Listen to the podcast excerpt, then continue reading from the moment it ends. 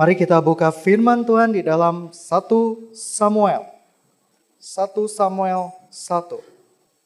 Ketika belasan tahun melayani Tuhan, saya punya survei kecil-kecilan bersama dengan teman-teman saya.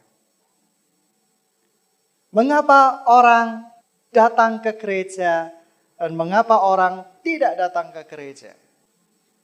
Survei mengatakan lagu-lagu tidak cocok dengan lagunya. Lagunya bukan uh, style gue banget. Lagunya terlalu melo saya adalah orang yang bukan melo. Saya adalah orang yang sanguin. Oke. Okay. Lalu ketika disurvei lagi, kenapa kamu tidak suka datang ke gereja? Uh, saya tidak hafal dengan lagu-lagunya. Lagu-lagunya terlalu asing buat saya. Yang kamu hafal apa? Yesus pokok dan kita carangnya. Oke. Ketika disurvei lagi, Kenapa kamu datang atau tidak datang ke gereja? Oh aku datang ke gereja karena hamba Tuhannya cakep. Kenapa kamu tidak datang ke gereja? Hamba Tuhannya terlalu cakep, memedihkan hatiku. Aku tidak bisa memilikinya. Hancur, tidak ke gereja. Oh, aku datang ke gereja kenapa? Aku lihat worship leadernya. Wajahnya berkilau-kilau, bercahaya habis cuci muka habis facial. Aku lihat pemain musiknya itu begitu luar biasa. Wah, itu yang membuat alasan datang ke gereja dan tidak datang ke gereja. Lalu ketika dieksplor lagi firmannya. Aku tidak cocok dengan firmannya. Kita tidak cocok dengan firman Tuhan. Sungguh sebuah statement yang aneh. Kita nggak cocok. Firmannya terlalu lembut. Gua butuh kekerasan. Waduh. Ketika ditanya lagi, firmannya terlalu keras. Membuat hatiku sudah hancur, lebih hancur lagi. Saya tidak mau mendengarnya. Begitu banyak alasan orang datang ke gereja dan tidak datang ke gereja. Tapi pernahkah Anda tahu bahwa sebenarnya kita datang ke rumah Tuhan untuk mencari Tuhan bukan untuk mencari suasana. Kita tidak datang ke rumah Tuhan untuk mencari suasana yang merinding-rinding. Kalau gitu tempat ini kita akan buat hantu-hantuan supaya kamu merinding-rinding. Kamu datang ke tempat rumah Tuhan, kita datang ke rumah Tuhan bukan untuk mencari enak atau tidak enaknya puji-pujian. Kita datang ke rumah Tuhan untuk memuji Tuhan.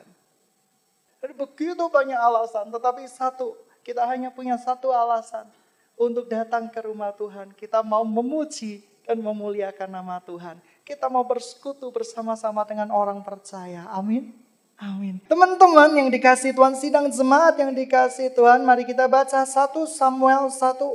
Ada seorang laki-laki dari Ramathaim Sofim, dari pegunungan Efraim, namanya Elkana bin Yeroham bin Elihu bin Tofu bin Suf. Ini menunjukkan histori atau kekerabatan.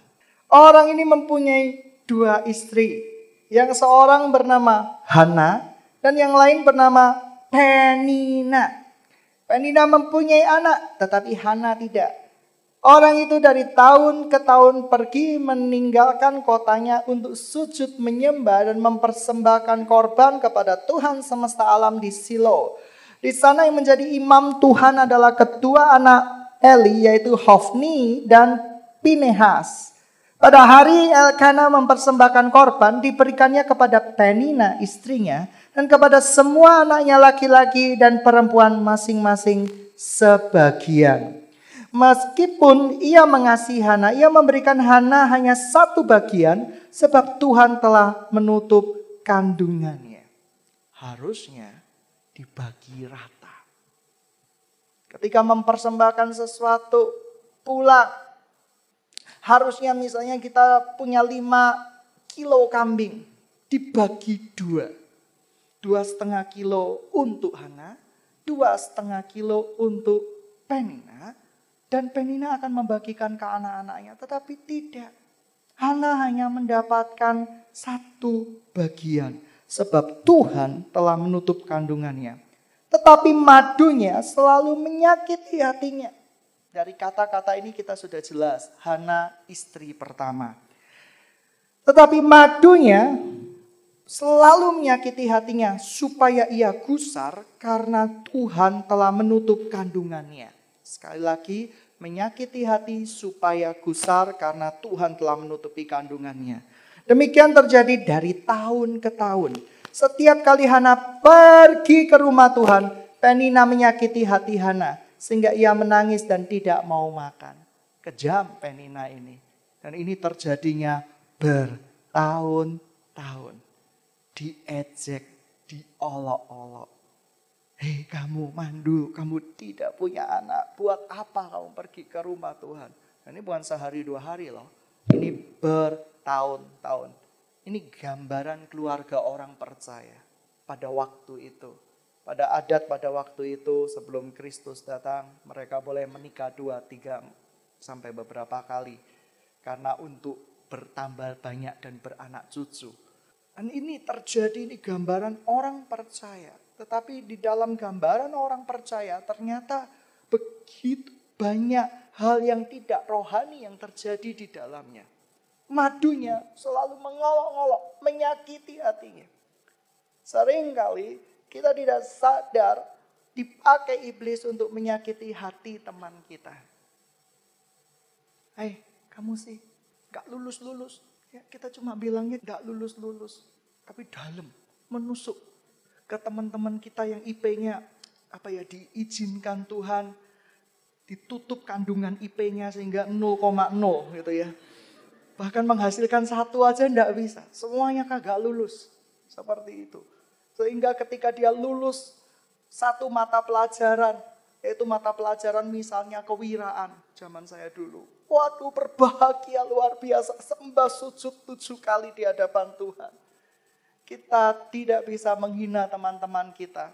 Karena bagi mereka mungkin peperangan terbesar mereka adalah IP. Tapi kita hina dari semester ke semester. Ini loh temanku, IP-nya 4, tapi bukan IPK, tapi IPS. Yaitu cuma satu yang dapat A, lainnya dapat E. Waduh, kita olok-olok, kita hina, hati-hati. Kita jangan sampai dipakai oleh iblis untuk menyakiti hati sahabat-sahabat kita. Lalu Elkana suaminya berkata kepadanya, Elkana ini suami yang baik dan romantis. Dia berkata, Hana, mengapa engkau menangis? Dan mengapa engkau tidak mau makan? Mengapa hatimu sedih? Bukankah aku lebih berharga bagimu dari sepuluh anak laki-laki. Lalu dikatakan di situ, pada satu kali setelah mereka habis makan dan minum di Silo. Dikatakan di situ berdirilah Hana, sedang Imam Eli duduk di kursi tiang pintu bait suci Tuhan. Dengan pedih hati ia berdoa kepada Tuhan sambil menangis terseduh-seduh. Kemudian bernasarlah ia Tuhan semesta alam jika sungguh-sungguh engkau memperhatikan sengsara hambamu ini dan mengingat kepadamu dan tidak melupakan hambamu ini, tetapi memberikan kepada hambamu ini seorang anak laki-laki, maka aku akan memberikannya kepada dia, kepada Tuhan untuk seumur hidupnya dan pisau cukur tidak akan menyentuh kepalanya. Ketika perempuan ini terus-menerus berdoa di hadapan Tuhan, maka Eli mengamat-ngamati mulut perempuan itu dan karena Hana berkata-kata dalam hatinya dan hanya bibirnya saja bergerak-gerak tetapi suaranya tidak kedengaran. Maka Eli menyangka perempuan itu mabuk. Lalu Eli, kata Eli kepadanya, berapa lama lagi engkau berlaku sebagai orang mabuk? Lepaskanlah dirimu daripada mabukmu. Ini imam loh. Imam bisa salah sangka. Imam masih manusia. Pendeta masih manusia bisa salah sangka nggak? Bisa salah sangka. Bisa gagal paham nggak? Sering kali gagal paham. Tetapi kita bisa salah sangka sama teman kita, sahabat kita.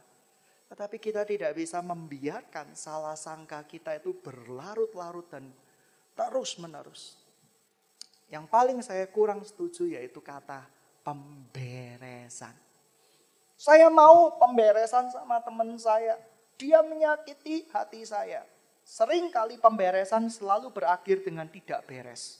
Karena yang disakiti itu meluapkan semua isi hatinya. Aku mau pemberesan sama kamu. Aku diminta sama Tuhan. Ya, kamu dulu sakiti aku. Aku dibilang kriwo. Padahal ini rambutnya dari Tuhan loh. Saya keturunan orang tuaku. Sakit hatiku. Waktu ingat nggak kamu? Ya, aku kebelet ke belakang di rumah kos. Kamu enak-enak menyanyi lagu memuji Tuhan. Tapi perutku itu sudah sangat kebelet.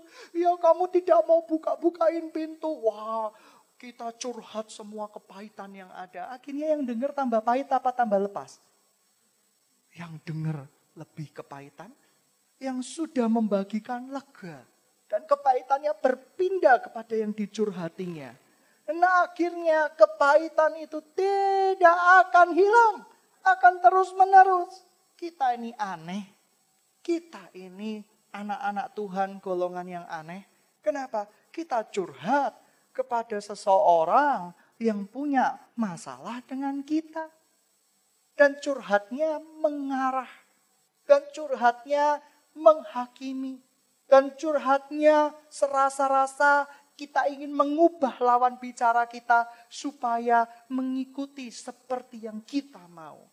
Pemberesan seperti ini akan ditunggangi oleh setan dan akan berlangsung lebih nggak beres lagi. Sedang jemaat yang dikasih Tuhan.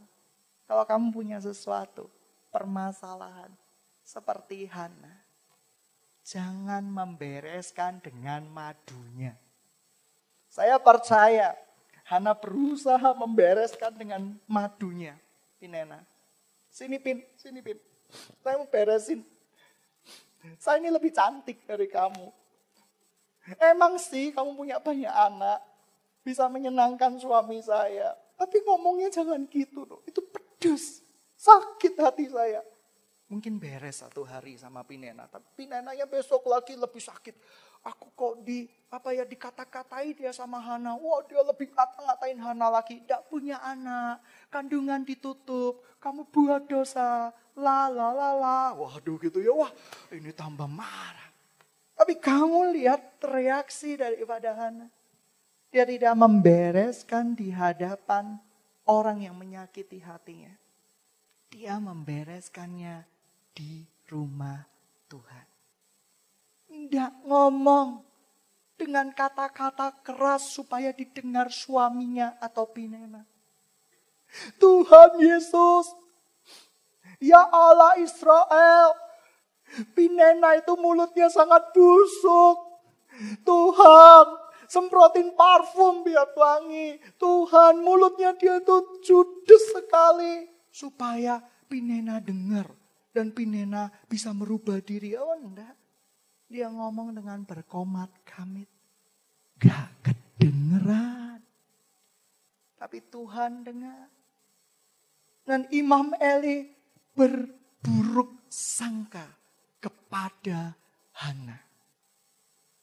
Ngapain kamu mabuk? Tapi reaksi Hana ini luar biasa.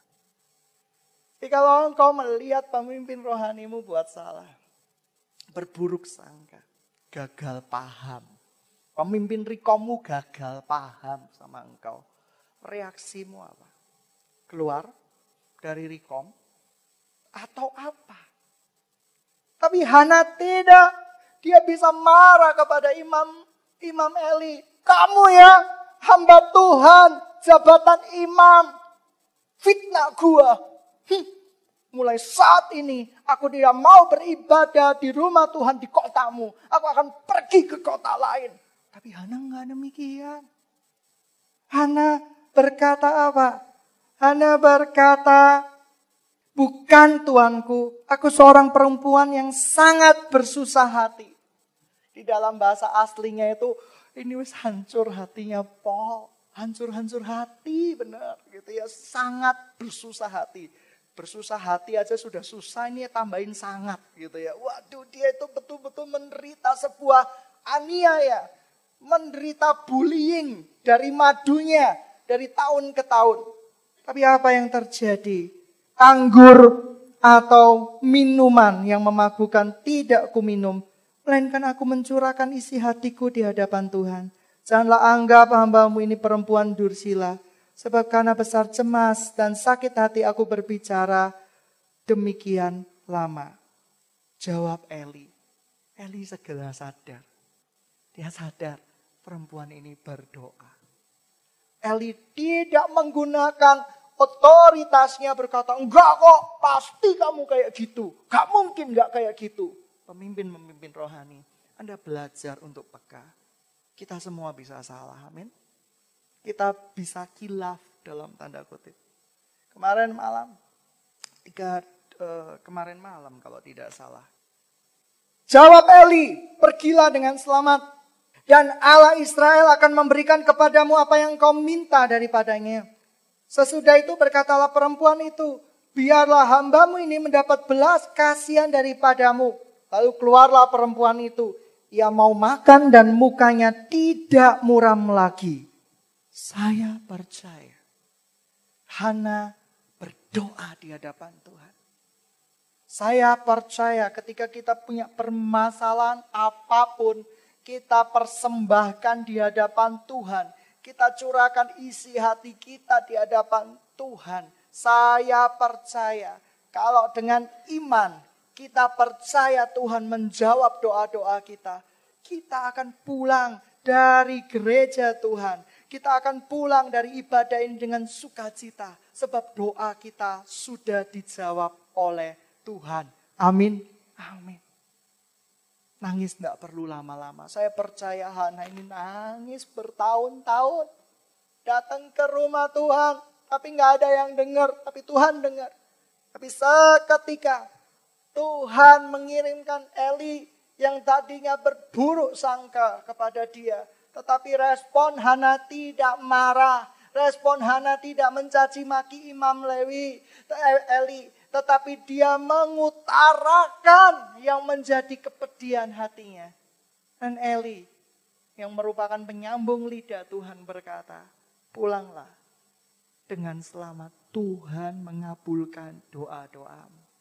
Saya percaya hari ini ketika Anda bersungguh-sungguh menceritakan semua permasalahan Anda di hadapan Tuhan, Tuhan akan menjawab doa kita bersungguh-sungguh dengan sungguh-sungguh. Amin. Amin. Ketika Anda difitnah, Anda diperlakukan tidak adil, Anda dibuat semena-mena, Anda mengalami masa-masa yang kelam. Ketika kita berdoa di hadapan Tuhan, Ia adalah Tuhan yang mendengar semuanya. Saya pernah memasuki masa-masa suka beberapa belas tahun yang lalu. Saya harus jual mobil pickup.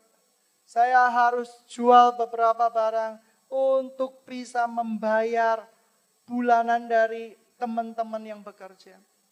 Berat sekali. Saya mengalami masa-masa yang suka. Tetapi saya percaya ketika kita mempersembahkan semua permasalahan kita di hadapan Tuhan. Ia bukan Tuhan yang tidak mendengar. Ia adalah Tuhan yang mendengar. Ia adalah Tuhan yang tahu cara yang terbaik untuk menjawab doa-doa.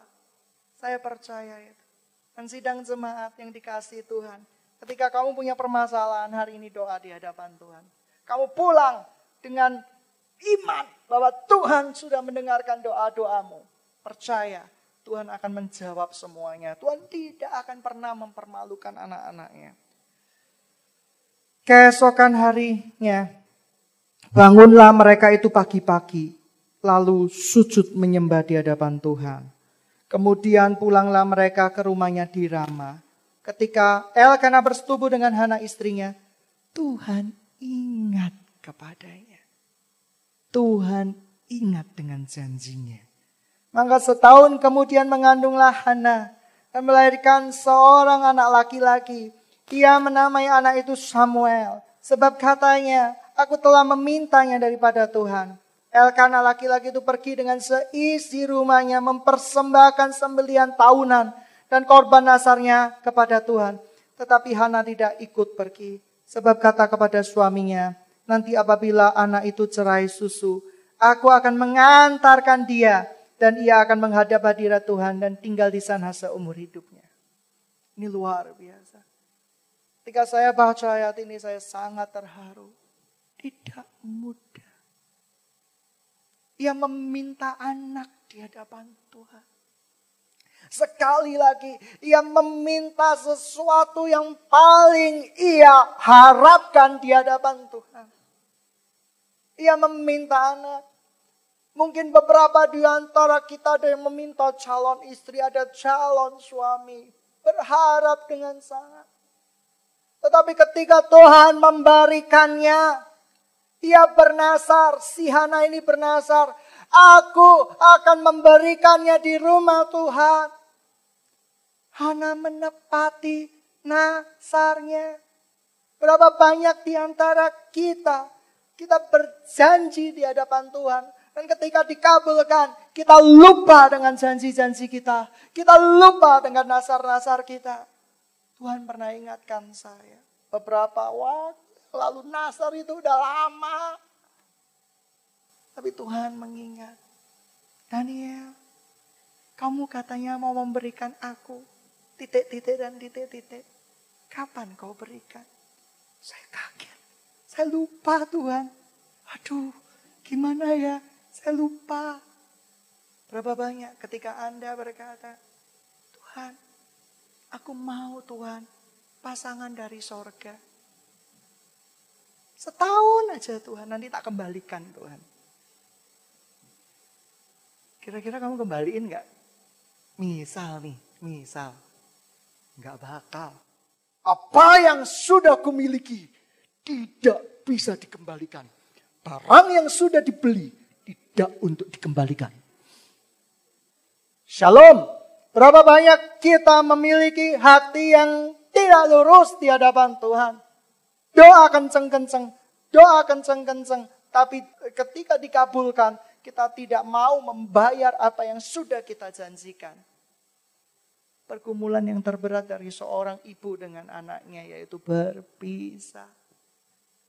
Dia merawatnya sampai cerai susu kurang lebih setahun dua tahun. Dan aku sendiri yang akan mengutarkannya di rumah Tuhan. Dan biarkan ia tinggal di sana untuk melayani Tuhan. Berapa banyak kita punya sikap hati seperti Hana.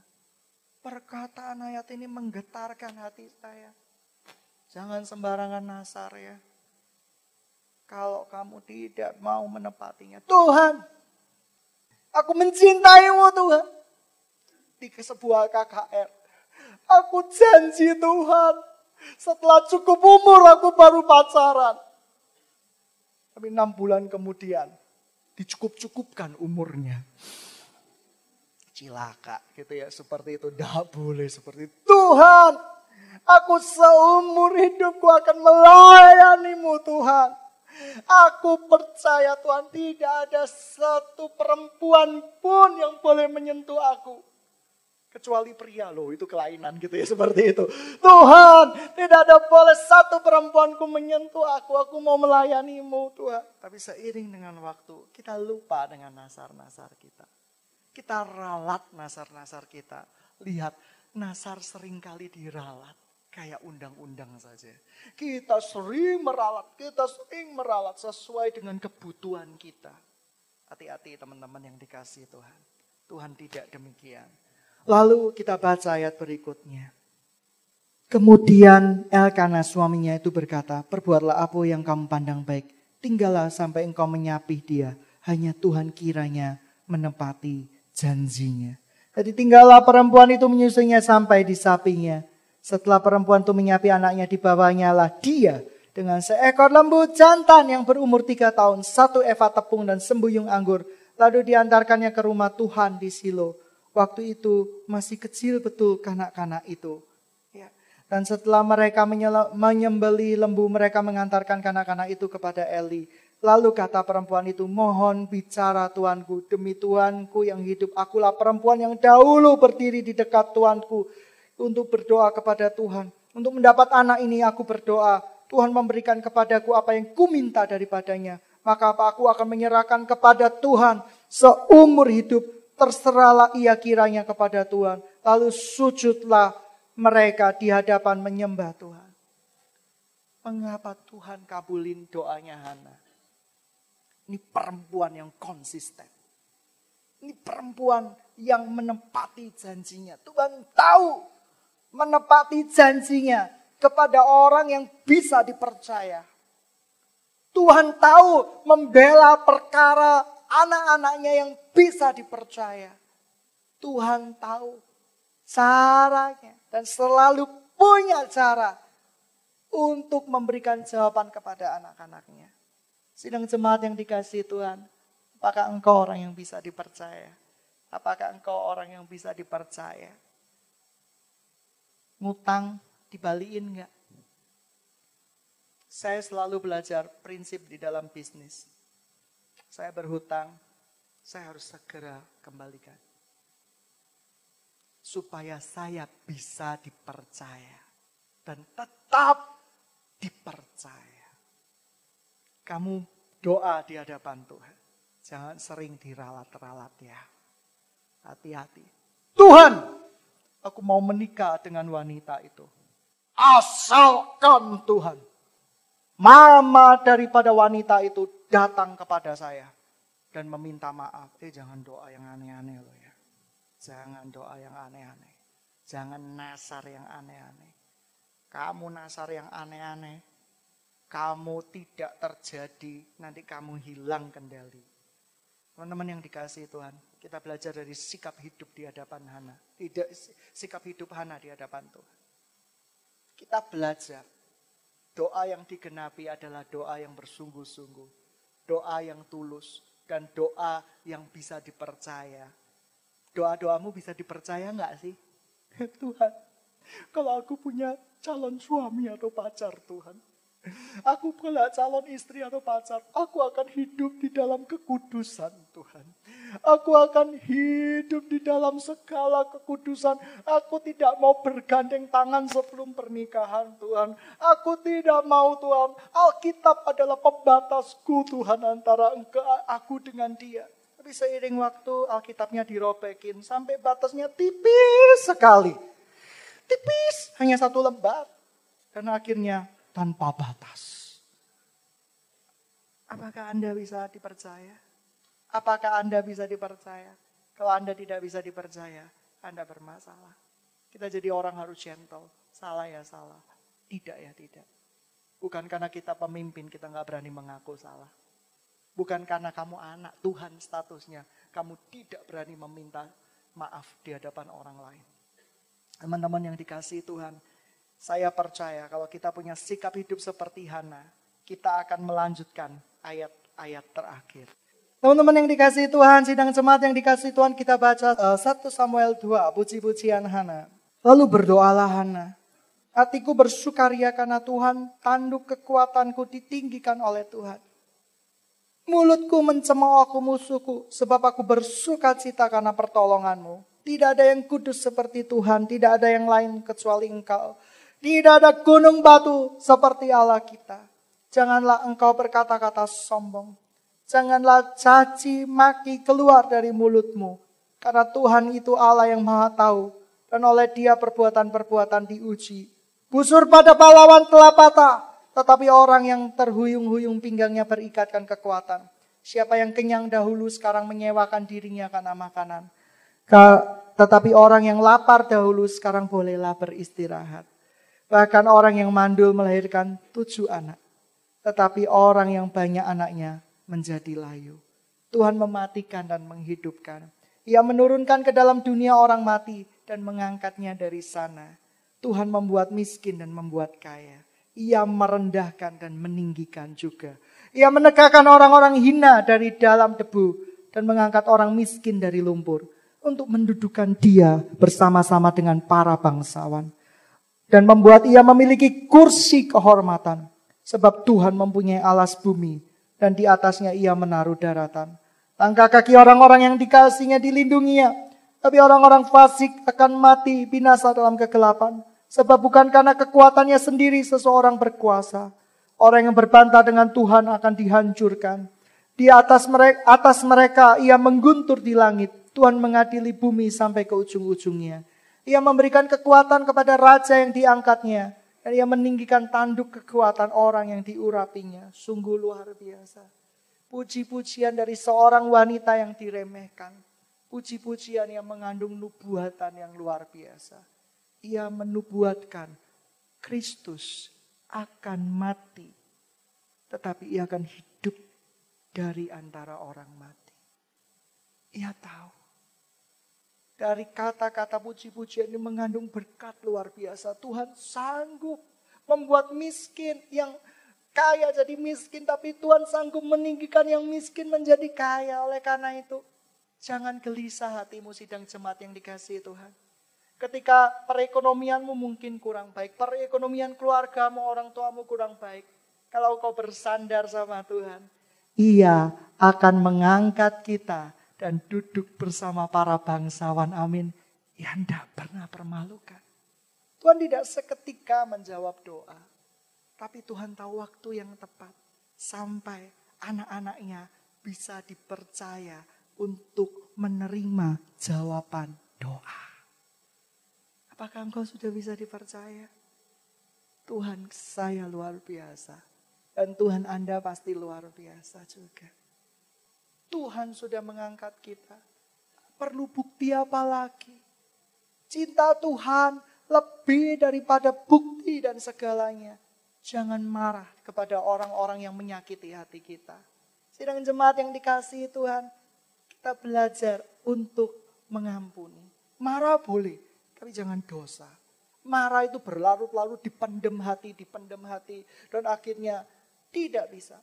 Teman-teman yang dikasih Tuhan, Mau punya hidup seperti Hana? Siapa yang mau punya sikap hidup seperti Hana? Angkat tangan. Dan kita bangkit berdiri bersama-sama. Kita berdoa. Kita minta kemurahan Tuhan. Kita minta Tuhan yang akan menjadi pembela kita. Untuk melewati masa-masa sukar di dalam kehidupan kita. Siapa yang mau hidup di dalam kuasa Tuhan? Angkat tangan kirimu. Siapa yang mau hidup di dalam rencana Tuhan, angkat tangan kanan. Dan sekarang hidupmu ada kuasa dan rencana Tuhan. Jangan pernah kamu remehkan itu. Kita nyanyikan lagu pujian ini, hidup dalam rencanamu. Kita berdoa kepada Tuhan, tidak akan kita bisa tanpa tangan Tuhan yang menyertai kita.